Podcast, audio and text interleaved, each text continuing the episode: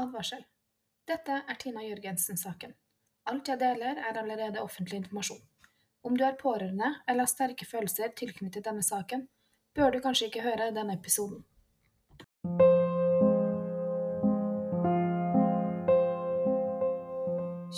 september 2000 forsvinner 21 år gamle Tina Jørgensen sporløst fra Stavanger sentrum. Lørdagskvelden er Tina og kjæresten sammen med noen venner. De sitter på vors før de drar ut på byen i Stavanger rundt klokken tolv. Dette var en veldig varm kveld i Stavanger, og det var mange i sentrum denne natten. Flere skal ha observert at Tina og kjæresten kranglet på en nattklubb. Det endte med at kjæresten forlot nattklubben i sinne. Noen minutter senere drar Tina og en kompis ut av nattklubben og leter etter ham. Dette skjer rundt klokken ett på natten.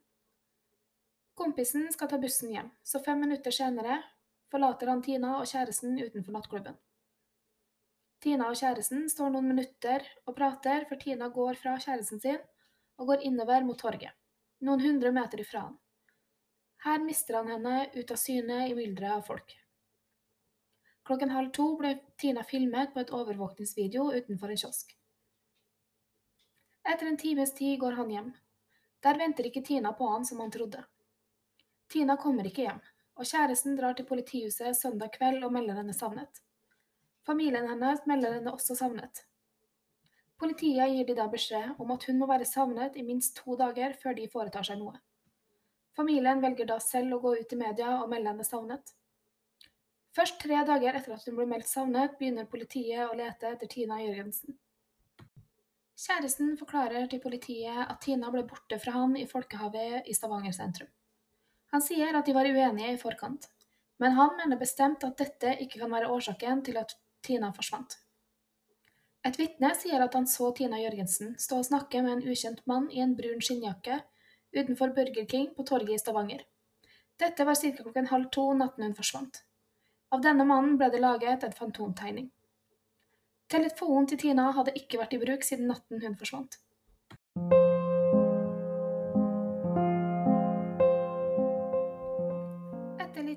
Etterforskning mente politiet at Tina hadde mest sannsynlig tatt sitt eget liv. I dagboken til Tina viser det seg at hun i perioder hadde det vanskelig.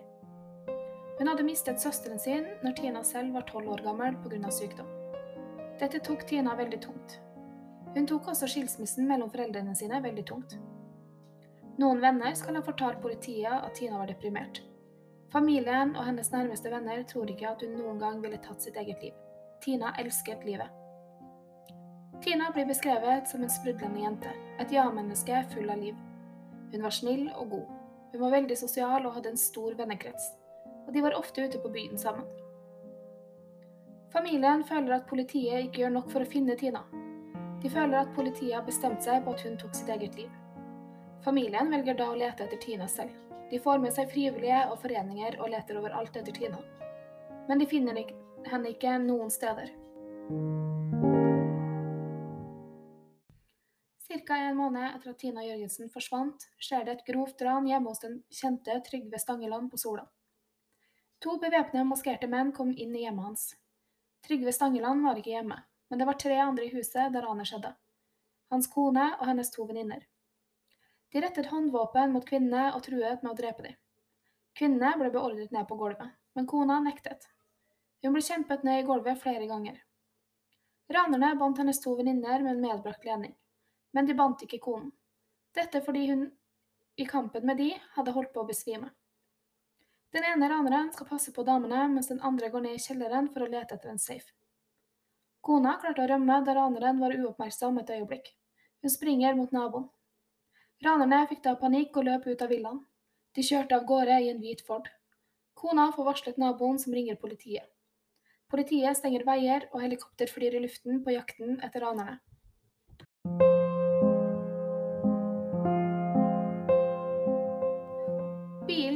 Ranerne brukte, ble funnet ved Borre kirke, tre mil fra Stavanger. I flere dager leter etterforskerne etter ranerne og våpenet de hadde brukt. De undersøker området rundt kirken. Den ene politimannen ser at det ene kumlokket på parkeringsplassen til kirken ikke ser ut som de andre kumlokkene i området. Mosen rundt dette kumlokket var borte. og det ser ut til at det hadde vært åpnet. Her tror de at våpenet kan finnes. De gikk så i bilen og hentet verktøy for å åpne kumlokket. Her gjør de et grufullt funn. Når vi åpner kummen, skjønte vi med en gang hva vi hadde funnet. Vi så på hverandre og sa det er Tina som ligger her, har den ene politimannen uttalt. Så her finner de 21 år gamle Tina Jørgensen, halvveis inne i en stor, hvit sekk. Kripos kommer nå og deltar i etterforskningen. De går ut i media med at det var Tina Jørgensen som hadde blitt funnet.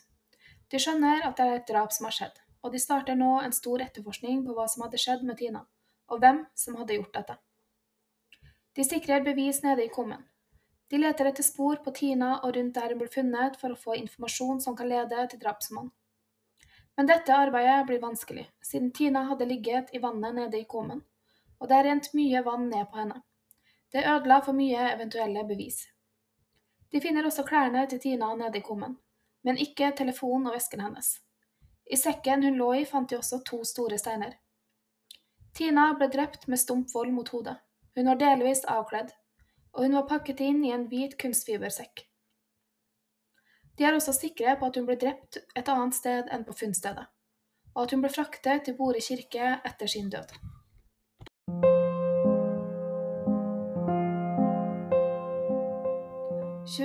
Gamle Tina Jørgensen blir dagen etter hun ble funnet, obdusert. Det viser seg at Tina døde av sjukt knusningsskader mot hodet. Lik Birgitte Tengs som ble drept i 1995 på Karmøy. Den saken snakker jeg om i forrige episode, om du vil høre den. Tina hadde også kuttskader på kroppen, som tyder på at hun ble skåret med en kniv. Ifølge VG mente politiet at Tina sannsynlig ble slått i hjel med en stein. Det er også mistanke om at Tina Jørgensen var utsatt for et seksuelt overgrep før hun døde. Men siden kroppen hennes hadde ligget altfor lenge med vann over seg, var dette umulig å slå fast.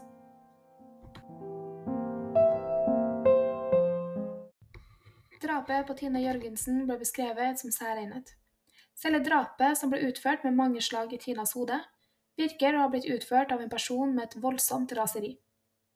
Men at liket hennes ble transportert langt fra åstedet, ligner mer på en kalkulert og kjølig handling.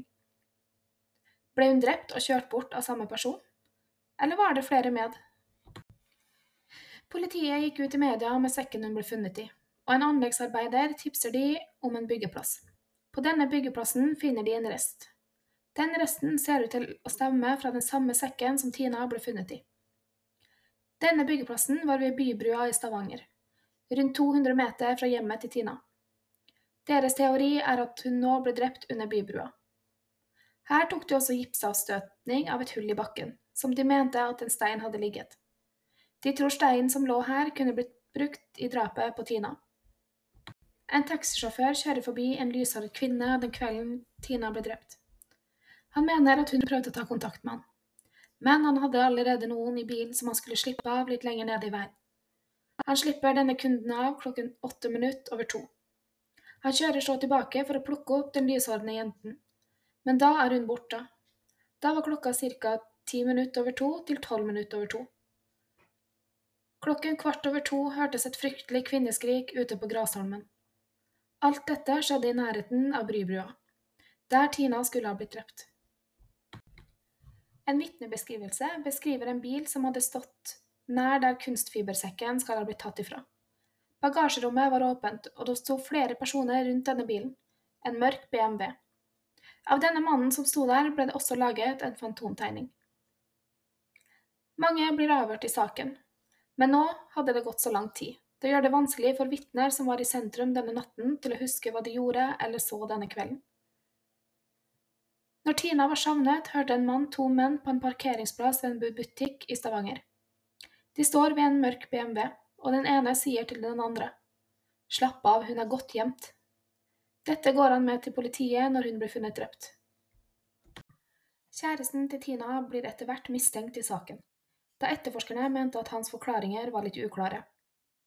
De hadde kjæresten på overvåkningsvideo der han på drapsnatten, etter at han skilte lag med Tina, gikk inn på et gatekjøkken. Her var han i 20 minutter før han ble sett gående ut derifra på overvåkningsvideo. Han hadde ikke fortalt politiet at han var på dette gatekjøkkenet. så de mente at de hadde tatt han i løgn. De mente så at han derifra skal ha tatt en pirattaxi hjem. På veien møter han Tina. Han går da ut av pirattaxien for å slå følge med henne. Men han dreper henne før de kommer hjem. Det ble også funnet barnåler i kummen der Tina lå. Og det ble også funnet barnåler i bilen til kjæresten. Tina skal muligens ha blitt observert flere steder den natten på gåturen hennes hjem. Om det er Tina som ble observert, så viser det seg at kjæresten ikke hadde rukket å reise etter henne for å drepe henne, fordi på det tidspunktet satt han på gatekjøkkenet. Oktober 2001 blir kjæresten varetektsfengslet og siktet for drapet på Tina. I sju uker sitter kjæresten i varetektsfengsel, før han blir sluppet ut på mangel på bevis. Men de opprettholdt siktelsen på han. Men den ble senere droppet, den 23. september 2002. Han fikk senere en oppreisning og erstatning på nesten 200 000 kroner. Kort tid etter dette blir saken henlagt av politiet. I 2007 begynner en ny politimann i Stavanger-politiet. Han biter seg i en mann som den siste tiden hadde begått grove voldtekt. Den ene endte nesten med et drap. Høsten 2000 bodde han ca. 20 meter fra Tina Jørgensen. På denne tiden hadde han ingen rulleblad. Han sier at den helgen Tina døde, var han i Oslo hos sin kone. Men de ser i ettertid at han gjorde et bankuttak i Stavanger den tiden han sa han var i Oslo. Han flyttet også brått fra Stavanger, bare noen uker etter at Tina ble drept. Denne mannen hadde en mørk BMW på denne tiden. Politiet kom ingen vei med denne mannen, og han ble for noen år siden drept i et narkotikaoppgjør.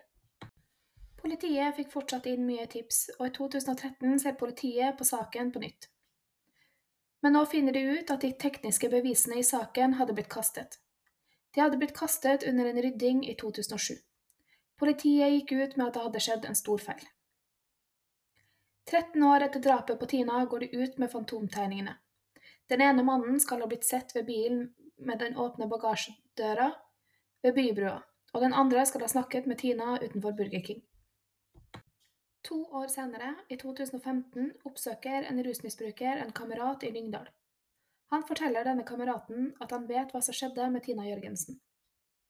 Denne rusmisbrukeren kjente Tina fra før, da Tina og familien hadde en campingvogn i Lyngdal i mange, mange år. Kameraten tar dette opp på lydopptak. Han sier at han, søsteren og to kamerater var i Stavanger den kvelden Tina ble drept. Han sier at han og kameraten gikk sammen med Tina fra Burger King og veien mot Bybrua. Kameraten skal ha begynt å krangle med Tina. Hans kamerat skal da ha slått Tina med en stein i hodet. Etter dette kommer de to andre også, søsteren og den andre kameraten. Han sier at de legger Tina i bagasjerommet og kjører henne til Borre kirke. De alle fire blir arrestert. I leiligheten til Tina ble det funnet en lapp med telefonnummeret til to av disse. Han som fortalte denne historien til sin kamerat, sa også i avhør at han og vennene hans hadde drept Tina. De andre nektet, og når de skulle på åstedsbefaring, viser det seg at mannen ikke er kjent der, muligens hadde han aldri vært der. Politiet skjønner etter hvert at han forteller det som har stått i avisene. Forklaringene hans begynte så å sprike. Det ble tydelig at de fire hadde ingenting med drapet å gjøre, og de blir løslatt. Mannen står fortsatt fast på at de drepte Tina. 4.1.2016 kommer det en psykiatrisk rapport med at den siktede hadde falske minner. I 2018 bestemmer cold case-gruppen fra Kripos om at saken til Tina skal gås igjennom på nytt. 1.9.2021 kommer politiet ut med at de har siktet en mann for drapet på Birgitte Tengs. Denne mannen er også mistenkt i drapet på Tina Jørgensen. Denne mannen hadde vært interessant for politiet i begge sakene, og ble tidlig etterforsket i de. Han er fra Haugalandet og var i Stavanger den helgen Tina ble drept. Mannen nekter straffskyld i drapet på Birgitte Tengs, og stiller seg helt uforstående til sin status som mistenkt i drapet på Tina Jørgensen. Denne mannen har et stort rulleblad. Dette har jeg detaljert forklart i Birgitte Tengs-episoden men kort fortalt så var han allerede som 15-åring involvert i saker som omhandlet overfall av jenter. I 1990 skal han ha kommet hjem til psykologen sin. Hun lå i sengen og leste bok, og han, hennes ytterdør var ulåst. Han kom inn på rommet hennes, kledd i dameundertøy og et kort skjørt. Han skal ha sagt at han ikke klarer det mer, han er kåt hele tiden. Hun ba han om å gå, men da tok han en snurr rundt halsen hennes og prøvde å kvele henne. Snøret røk, og han forlot hjemmet hennes. Han fikk seks måneder i fengsel for denne episoden. Han er også dømt for kroppskrenkelse, vold mot offentlige tjenestemenn og utuktig atferd. I 2001 ble han dømt for ni grove tyveri i kvinners hjem. Han ble dømt for å ha stjålet skjørt, bh-er og damesko. I 2005 ble han igjen dømt for grove innbrudd og tyveri hos kvinner. Han er mistenkt for å ha drept Tina Jørgensen, men de har ingen bevis mot ham som de har kommet ut med, og det trengs nok en tilståelse for at de kan løse denne saken. Etter drapet på Tina kom det en klar lov fra Riksadvokaten om at om noen blir funnet død, skal det etterforskes som mistenkelig helt til de kan konkludere med at det ikke er det, uansett om det ser ut som et selvmord. Mine kilder til denne episoden er norske krimsaker på Viaplay, artikler i NRK, VG, Dagbladet, Aftenposten, TV 2 og podkasten Rive Allstars med gjesten Erlend Frafjord, som skrev boka om Tina Jørgensen. Følg meg gjerne på Instagram under Drapspodden. Jeg setter stor pris på, på å høre hva du syns om denne episoden. Jeg legger også ut videoer på YouTube under Drapspodden.